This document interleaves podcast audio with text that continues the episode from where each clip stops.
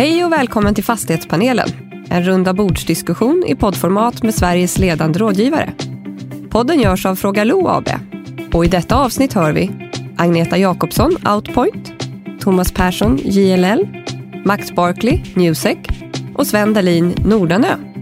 Samtalet leds av Sverrir Tor.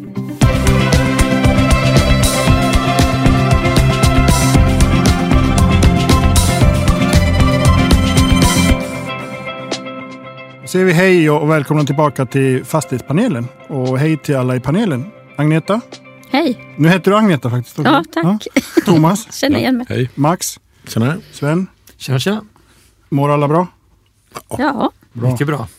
Vi, vi är en man kort idag. Kalle har ju, har ju lämnat Kursman och vi avvaktar med en ersättare för honom. Men vi ska nog klara oss även utan honom idag. Hoppas vi. Får försöka. Yes, bra. Eh, och vi har klar, avklarat att alla mår bra. Jag mår också bra. Eh, men hörni, 2021 ska vi börja med att sammanfatta. Och det var ju ett, ett riktigt pangår, eller hur Agneta? Har du varit med om något liknande under din karriär? nej, det tror jag faktiskt inte. Det var ju eh, ett toppår när det gäller transaktioner, stora transaktioner, uppköp, IPOs, eh, utköp från börsen. Ja, enorm rörelse. Mm. Och ja, det var väl att bli större och större som gällde. Mm. Gott och blandat. med- Mm. Thomas? Jag håller med, man slogs lite om hur extremt stark marknaden var förra året. Den tror jag överraskade oss alla. Vi visste att det skulle bli ett bra år, men att det skulle bli så starkt. Det tror jag var lite en överraskning. För det var trots allt en pandemi även förra året, ska man inte glömma. Mm. Mm. Och hela förra året till och med. Ja, precis. Mm. Max, du nickar. Ja, nej, jag håller med Thomas. Jag tror att det är ett år som kommer gå till historien. Och det kommer hålla länge. Okej.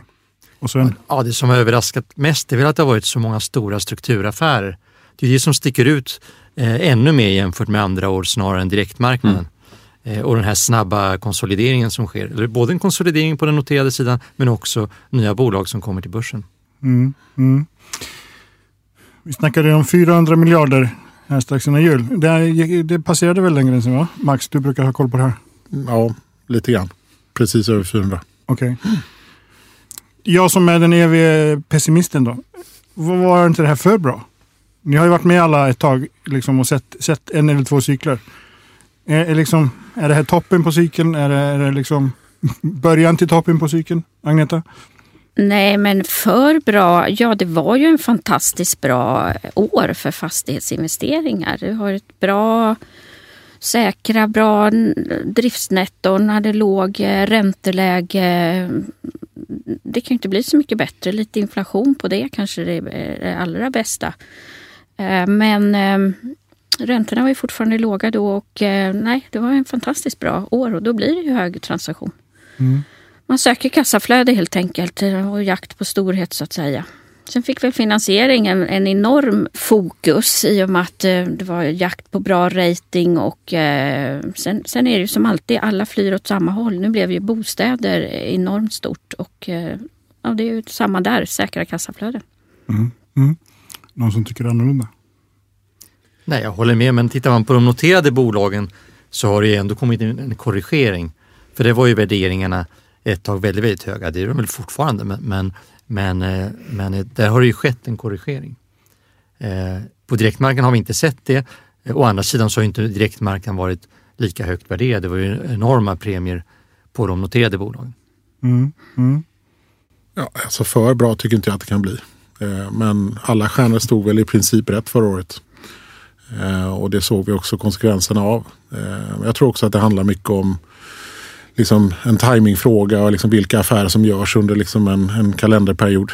Eh, Och jag tror att förutsättningarna är väldigt goda även framåt. Men jag tror kanske inte att timingen är riktigt lika god. Så att, eh, jag tror att det är ett år som kommer, ett rekord som kommer stå sig ett tag.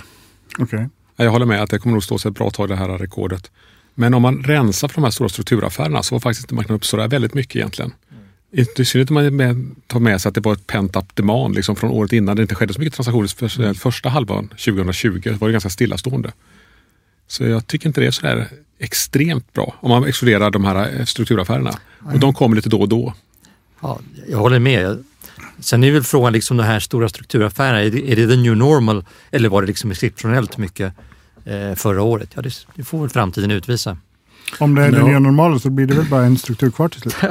Ja, det, Ja, men jag håller med, jag det kommer håller, nya bolag in också på börsen. jag håller med Thomas. Rensar man liksom för strukturaffärerna då är, då är det ju transaktionsrekord ändå. Men det är ju inte jättemycket högre Nej. än det tidigare rekordet. Och det är ju egentligen förklarat av att det var ett stiltje innan. Så att det fanns ju ett uppdämt behov. Mm. Men inne i det tidigare rekordet, eh, vilket var 2019, va?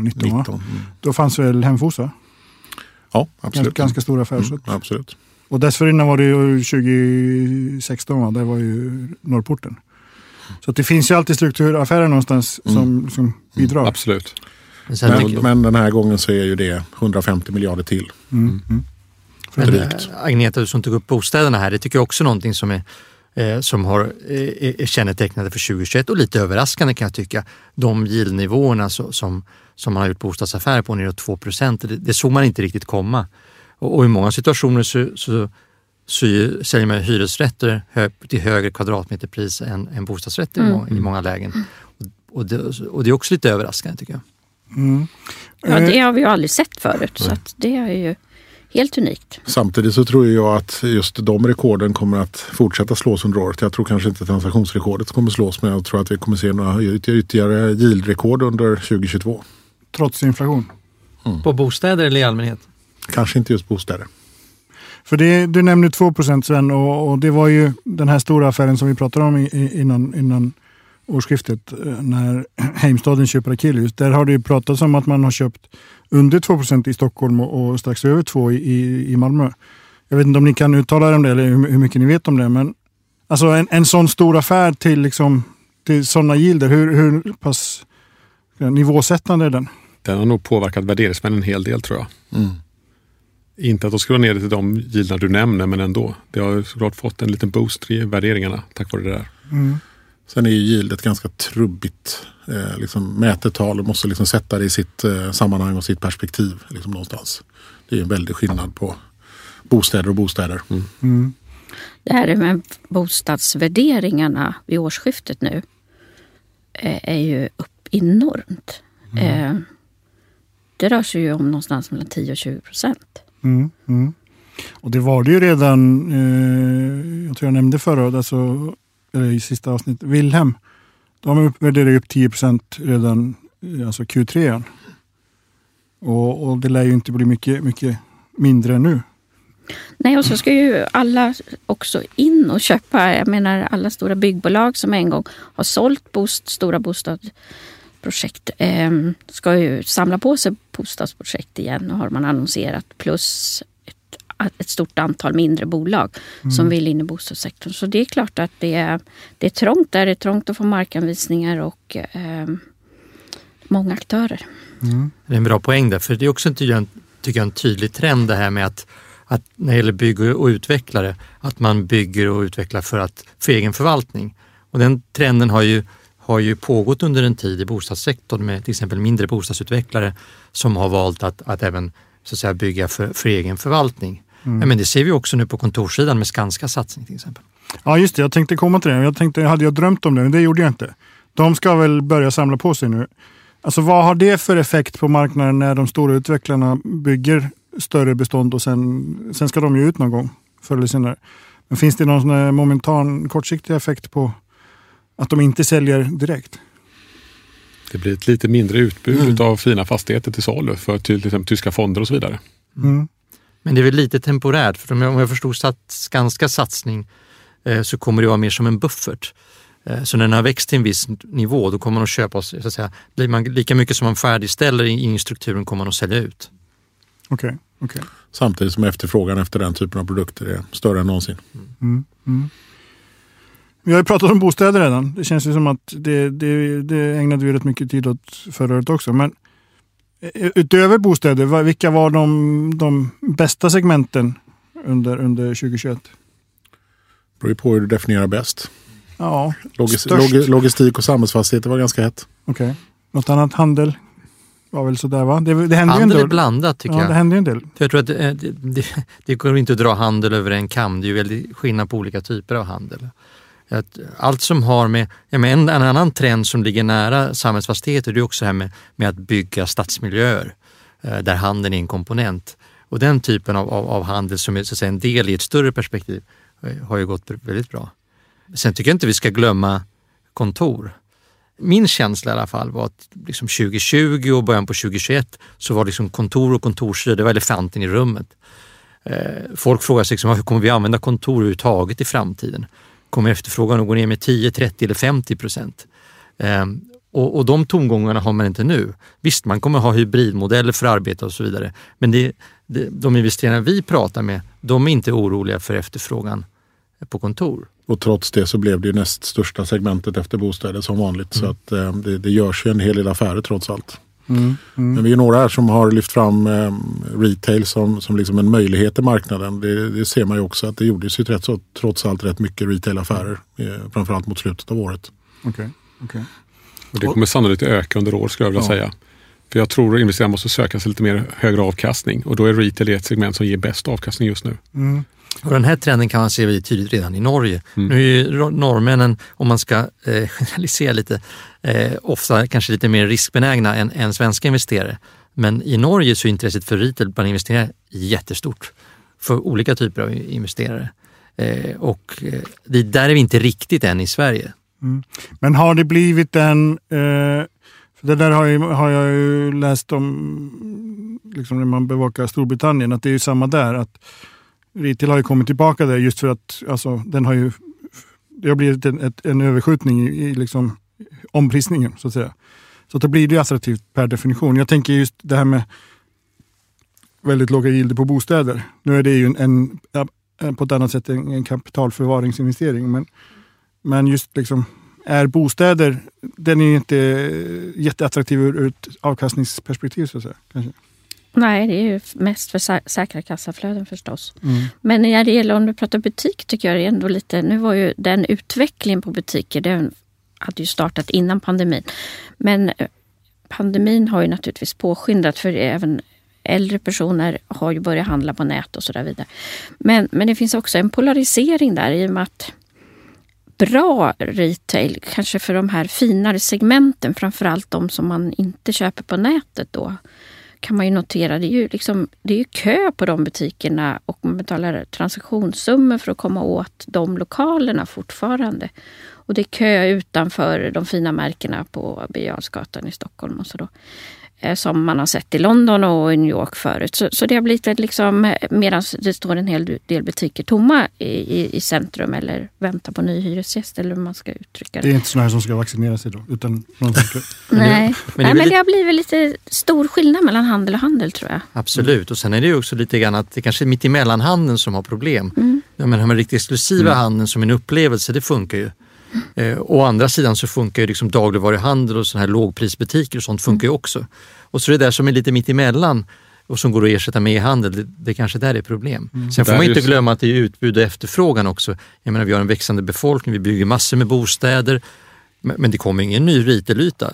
Så någon gång kommer man ju liksom att, att hamna i balans. Mm. Men jag, jag, jag, jag, tycker man, jag slås ju av hur starkt man påverkas av hur det faktiskt är i närheten runt omkring där man liksom rör sig och bor. Jag var, jag var i New York för eh, två helger sedan. Och eh, jag kan förstå om man är en New York-baserad investerare att man är lite orolig för retail. Eh, för där har det ju fått liksom en helt annan effekt än vad, vad det har fått här. Um, och, och, det är klart att um, tror man att, att det ser ut i Stockholm som, som det gör i New York då, då är man nog lite orolig för retail. Mm. Jag tänkte faktiskt på just det här med, med mängder, jag var, eller mängd folk. Jag var i, behövde springa in på Nova Lund i helgen.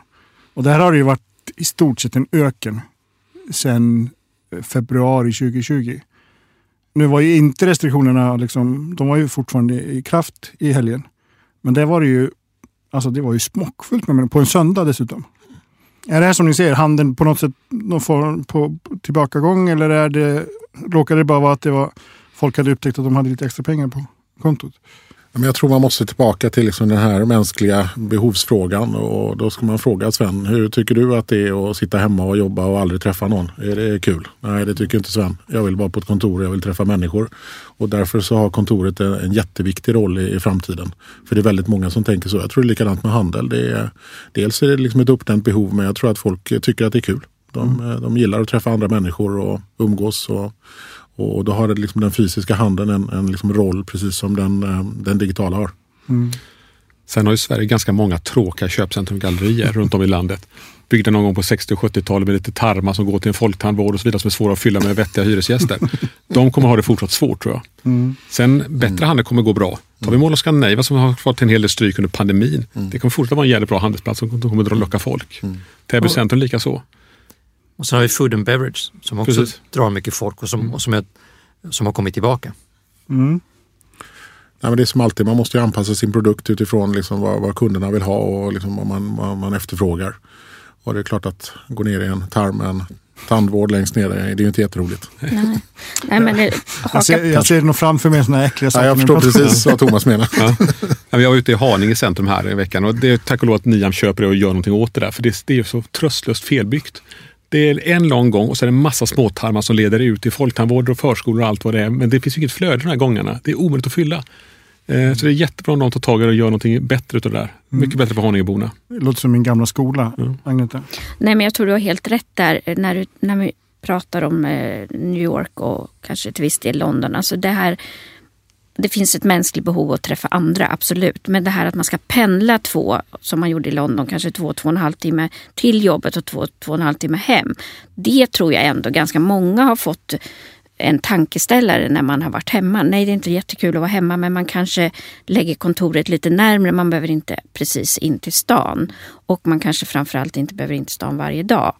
Det tror jag ändras i de städerna. Det är inte riktigt så i Stockholm. Mm. Eh, eller, eller ens i någon annan stad heller i Sverige menar jag. Men, men det här är lite intressant för det är ju, alltså städerna kommer ju Alltså, de är ju vad de är på något sätt. Kommer man att se då som jag tolkar det, tror du att det kommer bli så att man kommer börja bygga mer arbetsplatser i liksom externa lägen, rent generellt liksom som en trend? Så om det är väldigt bra kommunikationsläge så tror jag lite det. Jag tror lite faktiskt på den här äh, 15 minuters staden och vad man har pratat om. Att man kanske bor nära, man har lite handel nära. Alltså man har, att det är ändå trevligt där man bor och man kan ha eh, hela sitt arbete eller delar av sitt arbete förlagd till runt omkring där man bor. Men det blir mera accentuerat i riktigt stora städer. Det är liksom inpendlingen har varit en så stor, alltså pendla fyra fem timmar av, av, sin dag. Det är ju liksom det är ju orimligt nästan. Ja. Eh, men, men den här ju... frågan är ju liksom oerhört påtaglig i New York, Paris, London, mm. den typen av ja. städer. I Stockholm är det ju nästan inte relevant skulle jag säga. Nej. Och det är definitivt inte relevant i Västerås. Mm. Det, liksom, det, det, påverkar Nej. inte. Det är första gången någonsin som Västerås har jämförts med London. Tror jag. Mm. Positivt sätt. Positivt, ja, absolut. Verkligen. Jag tror på Västerås. inte i hockey dock. Nej, men sen är ju det här med om man kan arbeta på distans eller hemifrån. Det är också väldigt mycket en funktion av, av vilken typ av arbete det är. Det får vi inte glömma. Vissa typer av arbete funkar bra att göra det på och andra funkar inte kontorsarbete. Så det går inte riktigt att jämföra. Men jag tror att i de här städerna där det är långa pendlingsavstånd, kanske även i Stockholm också, eh, det, det, kan ju vara intressant med exempel coworking-koncept eh, som ligger eh, nära där man bor. Men då är det egentligen ett substitut, inte för att gå till kontoret, utan ett substitut för att jobba hemma om det är svårt att göra det. Mm. Mm. Men det tror jag kommer bli ganska vanligt framöver. Tar man företag som har sitt kontor norr om stan kan de mycket väl ha en hubb söder om stan i coworking eller något annat sätt. Mm. Tänk dig Telia som en gång i tiden hade alla sina anställda i söder om stan. Sen flyttade de norr om stan. Många av de Telia-anställda bor fortfarande söder om stan. De skulle nog väldigt gärna jobba någonstans i söder om stan i ett bra kontor. Men inte åka in till huvudkontoret varje dag. Mm. Så det tror jag kommer bli ganska vanligt framöver att vi ser en del företag har hubbar runt omkring. Om jag då utmanar och säger, vill inte man träffa kollegor? Jo, men på de här hubbarna så kan Telia till exempel hyra 20, 30, 40 platser. Eh, så det kommer ändå vara Telia-människor man umgås med där. Mm, mm. Men kanske i en annan coworking-miljö. Okej, okay, okej. Okay. Mm, bra. Eh, vilka, var, vilka var det som köpte då under, under 2021? Det var en av, en av de list, frågorna ni hade fått på era fusklappar.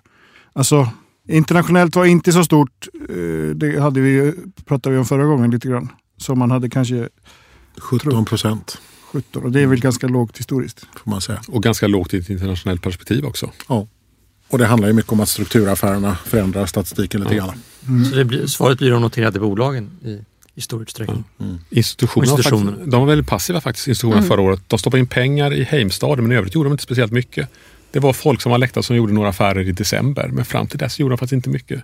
Så svenska institutioner tror jag kommer att vara mycket mer aktiva 2022 än vad de var 2021.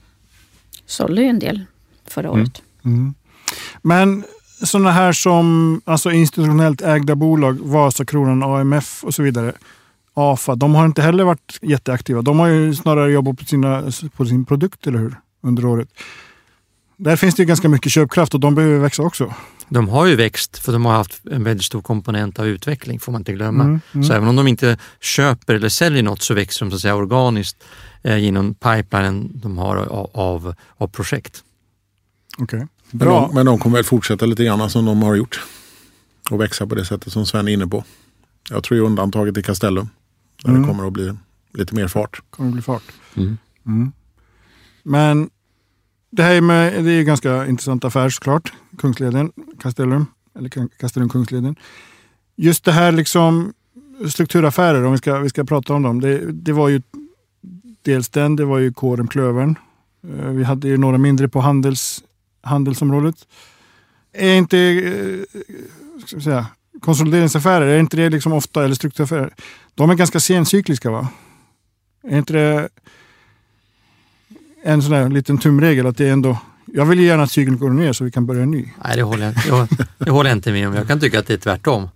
Ehm, jag menar om man tittar på i början på 2000-talet, bara som ett exempel, eh, så gjordes ju väldigt många uppköp av, av, av eh, noterade bolag på börsen.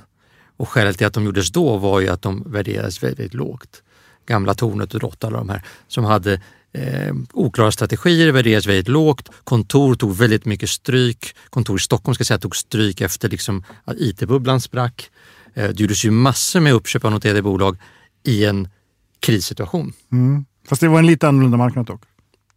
Ja, jag säger bara att, att strukturaffärer är inte ett tecken på att, en, att, att det skulle vara sencykliskt. Där var det i början på cykeln. Mm. Nej, men jag, tänk, jag, jag håller nog med dig lite där Sverige. Nu du, säger du att du vill bäsa lite, men eh, ja, det tycker jag är ganska sent i cykeln som det brukar komma. Det gjorde ju faktiskt det eh, sex eller sju där förra gången. Så jag tycker nog du har lite rätt i det, att de stora eh, affärerna. Sen kan man väl säga att de stora affärerna eh, till viss del gjordes av ett antal bolag eller slash personer eh, ägare till bolag förra året.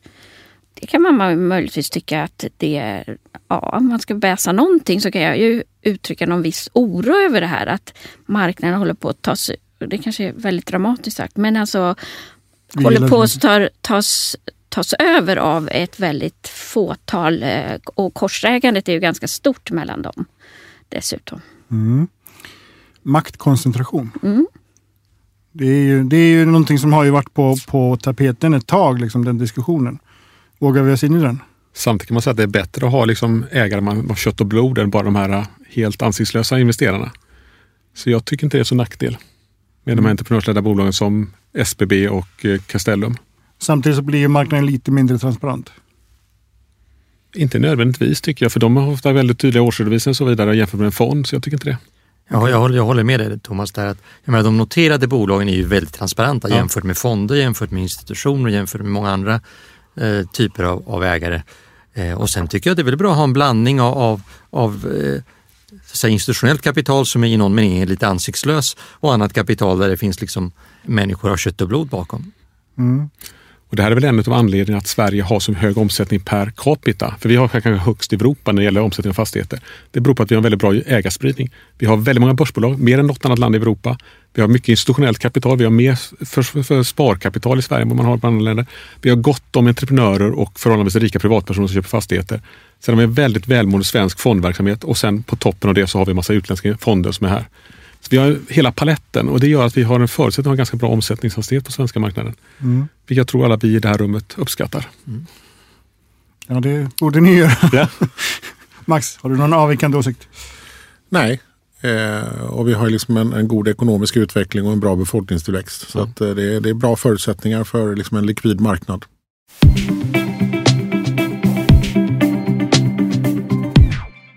Det känns som att jag redan kommit in på att prata 2022. Vilket skulle vara nästa steg. Hur, om, om ni alla nu tittar i, Agneta först, tittar i kristallkulan. Vad kommer vi prata om när vi sammanfattar 2022? Ja, det är ju spännande. Man har ju nästan aldrig rätt. Men um, ja, alltså vi är ju ändå inne i en... Um, jag tror inte det här räntorna kanske går... Uh, men det är ändå liksom lite att det kommer att hända något på den sidan. Nu höjde man ju inte idag, men det har, man har gjort det i Europa och det är lite lite närmre en räntehöjning i alla fall. Om den kommer i slutet av i år eller början på nästa. Nu är bolagen inte så högt belånade och de är väldigt eh, säkra flöden och sådär. Men jag, det är ju lite oros, eh, det är lite mera orosmoment eh, än, än tidigare. Sen tror jag att eh, intresset för fastigheter i den här marknaden, den tror jag kommer att stå sig.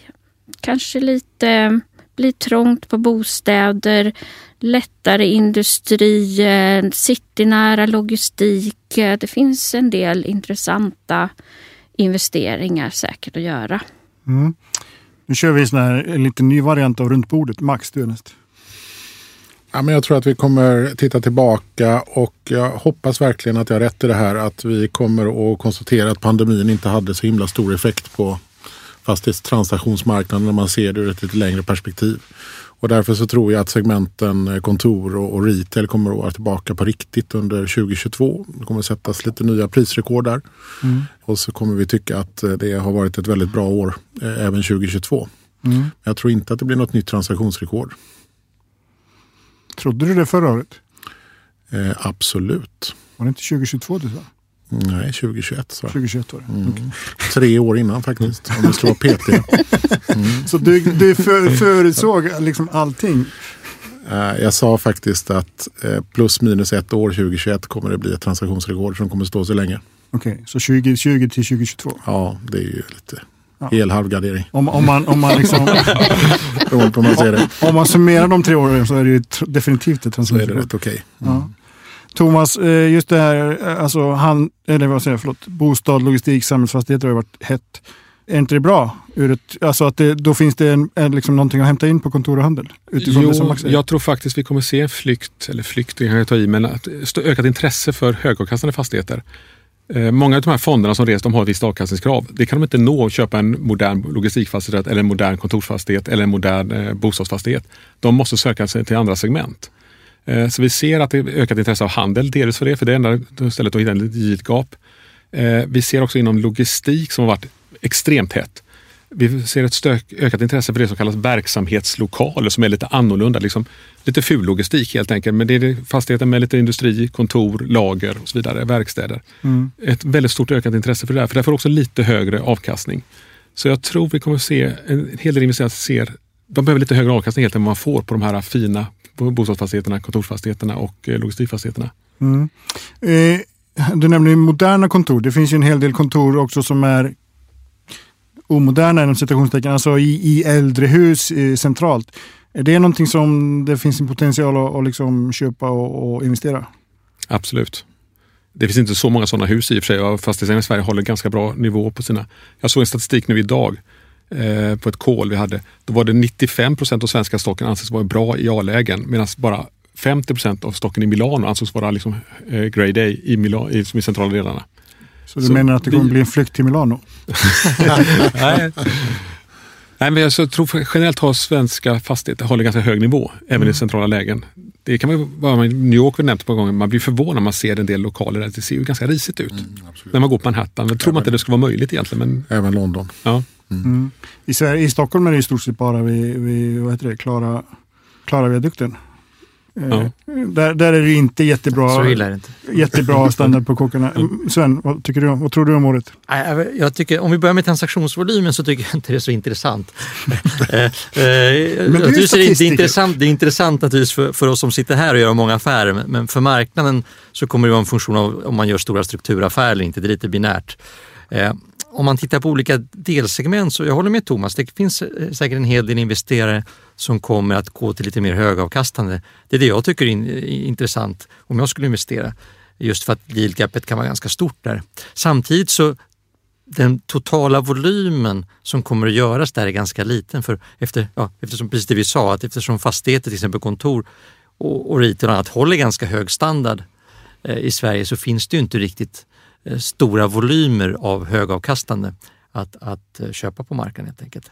Men om man ska spekulera i vad vi kommer att prata om, eh, om, om ett år så tror jag att vi kommer att diskutera hur ränte och inflationsutvecklingen har påverkat eller inte påverkat fastighetsbranschen? Mm. Alltså, jag tolkar dig på något sätt om du säger att det inte finns så jättemycket högavkastande att köpa. Alltså vad, vad ska man köpa då? Säg att jag har en, en påse pengar och ska köpa en fastighet. Vad ska jag köpa om det inte finns något? Är det bostäder då fortfarande? Bara för att jag vet att jag får kassaflöde? Beror på vems påse pengar det är. Vems påse pengar är min, min egen. Nej, men det jag menar är att högavkastande kommer liksom inte vara 40 procent av transaktionsvolymen. Nej. För det, de, det finns inte så mycket. Okej, okej. Okay, okay. Agneta som Max? Nej, jag bara kände att vi, vi måste komma ihåg begreppet ESG och eh, liksom betydelsen av den framöver. Den tror jag är, vi får inte glömma det i diskussionen här, för den tror jag är ganska många som de kan inte köpa om det inte är det eh, anpassat till ESG eller om de ganska snabbt kan göra det. Det är en stor del av penningapåsen som, som måste söka sig till investeringar som eh, uppfyller kraven på ESG. Det mm. kanske är till och med är så att social Eh, ja, det kanske är social eh, hållbart eh, som blir lite som blir eh, fokus på för de st stora med en del pengar. Så de här pengarna som tydligen inte går till City-kontor går till ESG istället? Det kan vara samma. Ja, det kan mm. vara samma. Men jag tror att ESG har ju blivit eh, någonting som, som påverkar på ett eller annat sätt allt man jobbar med. Mm. Eh, dels hur vi jobbar själva men också i de transaktioner vi jobbar med. Så ESG-aspekten är ju med så att säga, i varenda transaktion i en eller annan form. Kanske framförallt E1 och S1 i, i vår del av världen. Mm. Mm. Max? Jag kom på två saker till som jag tror vi kommer att prata om. Den ena är precis den som Agneta snodde av mig nu då. Eh, ESG kommer att vara högt upp på agendan under det här året. Men den andra tror jag är geopolitik, de geopolitiska frågorna. Jag tror tyvärr att vi kommer att prata rätt mycket Ryssland om ett år. Mm. Mm. Eh, och hur det påverkar marknaden och stöka till det framförallt runt omkring Sovjetunionen. oss. Det var du som sa det, inte jag. ja, jag, jag sa också 300 miljarder, jag vill bara påpeka det. Eh, bra. Eh, om vi nu ändå ponerar att det kommer hända någonting på transaktionen, att det blir liksom affärer. Eh, kommer det att vara eh, de här som har suttit stilla i båten under 2021. Kommer det vara fortsatt konsolidering på, på börsen? Vad, vad ser ni för trender där? Thomas, du får börja. Konsolidering på börsen? Kanske något enstaka bolag, men inte sådär jättemånga, för det är ganska låsta ägarstrukturer. Så jag tror inte vi får se sådär jättemånga stora sammanslagningar. Men det kan, finns väl en eller annan som fortfarande kan ske där ute. Jag kan tänka mig en i alla fall. Ja, det kan vi nog alla göra. Sen finns det, finns det ganska många småbolag som säkert kan bli konsoliderade upp i något annat. Det tror jag också. Mm. Men inte lika stora volymer som det var det här året, 2021. Mm. Tror Sen tror jag som sagt institutionerna kommer köpa mer 2022 än de gjorde 2021. Okej. Okay. Okej. Okay. Sen? Sen beror på lite vad du menar med börsbolag. Det finns ju de här enfastighetsbolagen och det finns ju stora och små. Mm. Så det är stort och litet. Och sen finns det en annan typ av affär också. Det finns ju den typen av affär där, ehm, där, där börsbolagen gör riktade emissioner eh, och, och rapporterar, man rapporterar in fastigheter i ett börsbolag. Eh, vilket också är en, en form av strukturaffär som jag tror vi kommer att se mer av. Mm. Max?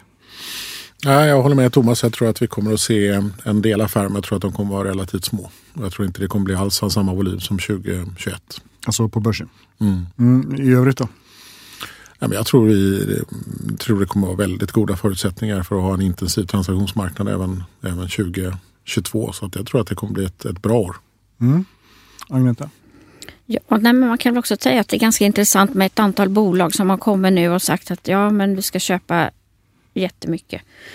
Eh, och de ska bli jättestora. Och de ska, alltså det finns ju flera sådana ny, ganska nystartade bolag som ska köpa så mycket. Jag vet inte riktigt, ibland undrar jag vart, vart de hittar de fastigheterna. För jag tror det kan bli ganska trångt om, om ungefär som när jag gick på tekniskt, alla kommuner skulle bli liksom dubbelt så stora eh, om, om något år.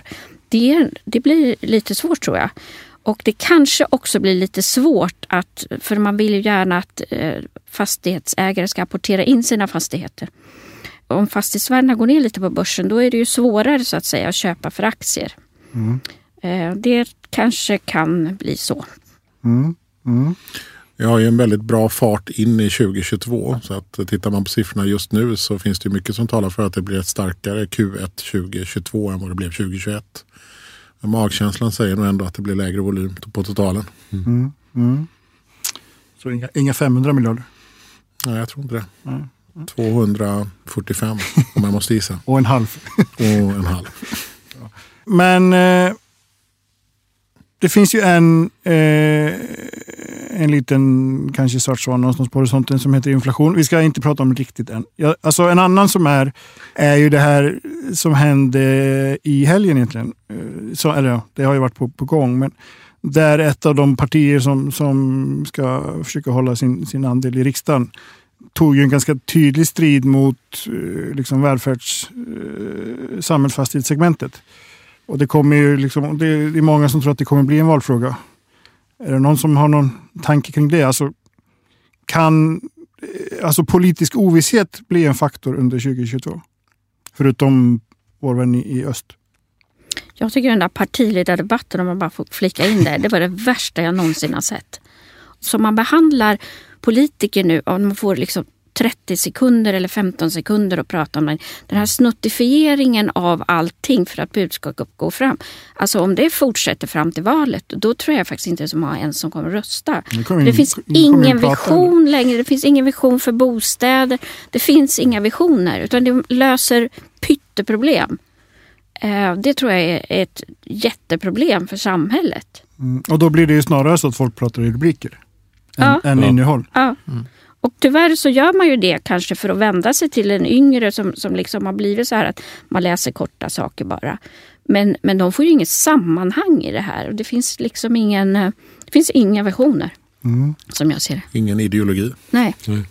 jättetråkigt Mm. faktiskt. Twitterpolitik. Nu så, nu ska vi prata inflation. Eh, yes, Sven jublar.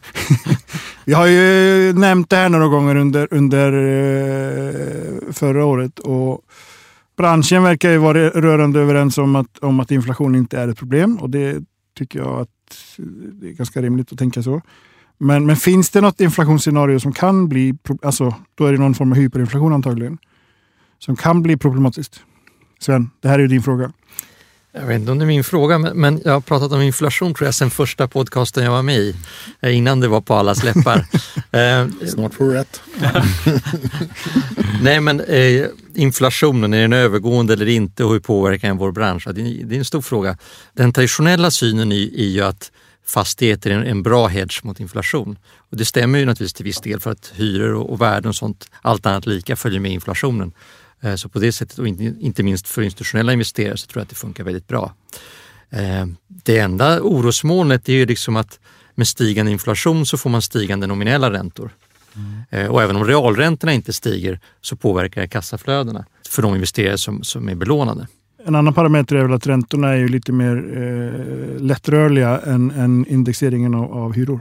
Precis, jag, jag brukar ju ta som exempel att, att om, om man har liksom inflation som går till 5 ja då ökar intäkterna med 5 Men, men om, om, om räntorna eh, ökar med 5 procentenheter, ja, då mångdubblas räntekostnaden. Ja, det är ett extremt exempel, men bara för att förstå, förklara mekaniken. Ehm, Sen, är ju- sen i, i andra vågskålen så blir ju så att säga en hög inflation amorterar ju, eh, blir ju som en tvångsamortering på skulden. Finns det någon risk, eh, som vi var inne på i början, vi har alla varit med en cykel eller två. Alltså, nu har vi inte sett inflation i 13 år i den här branschen, i, i det här landet, i den här världen, höll på att säga. Alltså, att man underskattar effekten. Agneta? Ja, alltså erfarenheten är väl när det börjar rulla, när långa räntorna börjar gå, då går det fort. liksom. Men jag tror inte att det går så fort. Men det som, det som vi har pratat om eh, och det som jag tror kommer att hända, det är ju att man, man stramar åt rent generellt. det här att man har öst ut pengar, både penningpolitik och finans, det, det är ju slut på tror jag. Och frågan är väl bara hur snabbt det där dras åt. Liksom. Mm, mm. Men den här stora, eh, ge alla människor pengar för att, för att stoppa effekterna av pandemin och innan dess andra saker. Så det, den tror jag är slut. De här lätta pengarna så att säga. Av typ, eh, typ allt? Elpriser, bensinpriser? Ja, nu börjar man ju, nu ska det vara val så nu börjar man liksom kompensera för både det ena och det andra där i Sverige då. Men, men eh, om man säger Europa och USA tror jag måste börja strama åt och det, det kommer ju att ha en effekt. Mm. Men sen tror jag inflation i Europa kanske vi får lite, men den är farligare i USA där man, eh, där man dels har lagt ut massa pengar och där arbetslösheten är så eh, låg. Mm. Mm. Thomas? Ja, men arbetslösheten är faktiskt ganska hög i Europa generellt. Fortfarande, Den är mm. dubbelt så hög som i USA till exempel. Och I Sverige är också fortfarande ganska hög, även om den kommit ner ganska kraftigt det senaste året. Så, eh, jag är inte så jätteorolig för inflationen, men visst det ligger där liksom ett man börjar bli medveten om att det är ett problem igen, eller kan bli ett problem. Eh, och räntorna har ju faktiskt dragit iväg och vi märker också att bankerna höjer sina eh, marginaler nu redan under mm. början på året. Så visst kan det få en åtstramande effekt på en del. Samtidigt tycker vi att investerarintresset är så pass massivt så frågan är vilken effekt det får. Vi var på ett call häromdagen och hörde lite från USA och där har man, där har man sett en ränteuppgång som är mer tydlig än vad den har gjort i Europa och Sverige. Eh, där har man inte sett någonting på avkastningen än så länge utan det är investerare som tog i sig lite mindre marginaler helt enkelt. Mm. För investeringsintresset är så pass fundamentalt stort inom vissa segment. Mm. I olika typer av investerare påverkas ju mer eller mindre. Ja. Mm. Max? Men alltså en del i den liksom goda tillgången på alla typer av kapital i fastighetsbranschen handlar ju om att det finns rätt få alternativ. Och det är klart att liksom en, en något högre ränta skulle kunna innebära att räntebärande papper och obligationer och annat skulle kunna bli mer intressant. Och att du får liksom en omallokering av kapitalet. Mm. Ehm, jag tror inte att världen har råd med en eh, hyperinflation och galopperande räntor. Så att jag är övertygad om att man från eh, olika statsmakter kommer att liksom se till att hålla det där i schack. Mm. och jag tror att eh, vi kommer se en, en svag ökning över en eh, relativt lång tid. Mm. Det är som jag sa redan i avsnitt två, inflation är ju ett mänskligt fenomen. Så vi kan ju kontrollera den någonstans. Eh, sen får vi se vad det har för, vad det har för effekt. Men, men det går ju liksom rent mekaniskt. Går det ju. En annan, liksom, man ser ju en viss del oro på börsen över det här eh, inflationsscenariot. Eh, vilket kan ju på något sätt leda till Eh, att, att marknaden blir, blir lite eh, ja, skakig rent generellt. Men alltså om nu pengakranen börjar skruvas åt du var inne på det Agneta, man behöver ju liksom jobba med de här enorma stimulanserna som måste man antingen ta tillbaka eller annullera på något sätt. Hur, vad händer då? Alltså, apropå prognoser om, om, om transaktionsvolymer och så vidare. Agneta? Ja, jag vet ju att vi har pratat om det här tidigare och då såg vi det här som en risk och nu är det ju ganska nära i tiden så nu borde det verkligen vara en risk eh, exakta vilka effekter, men det är klart att om man i, inte gör det här i någon sorts organiserad form, vilket man sannolikt gör, så kan det ju, så kan det ju eh, dämpa ekonomin ganska eh, rejält, eh, ganska snabbt. Och det skulle väl kunna hända då i kombination med något annat elände, typ eh, krig eller så, eh, som också finns en viss, eh, alltså där man inte samarbetar. Mm. Men jag mm. tror ändå att det, man kommer att göra det där under ganska ordnade former. Så att jag tror inte risken är så jättehög. Mm. Man har ju faktiskt gjort det en gång tidigare. Tapering inledde man för mm. fem sex år sedan i USA. Visst, räntorna steg men det var inte värre än så. Liksom.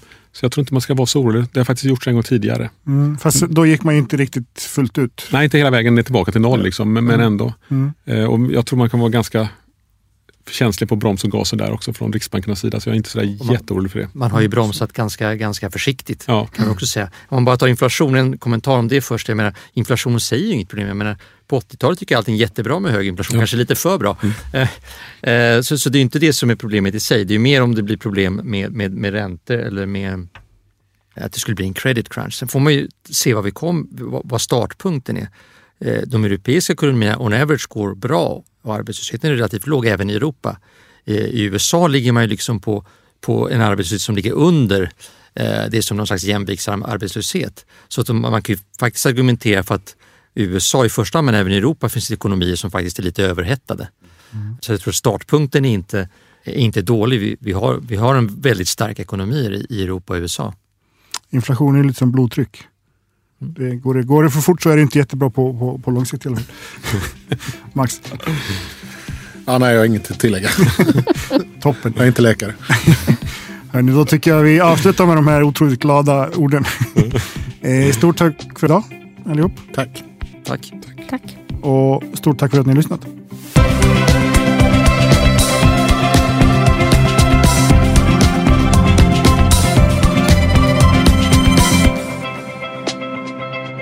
Det här programmet görs på Beppo. Beppo.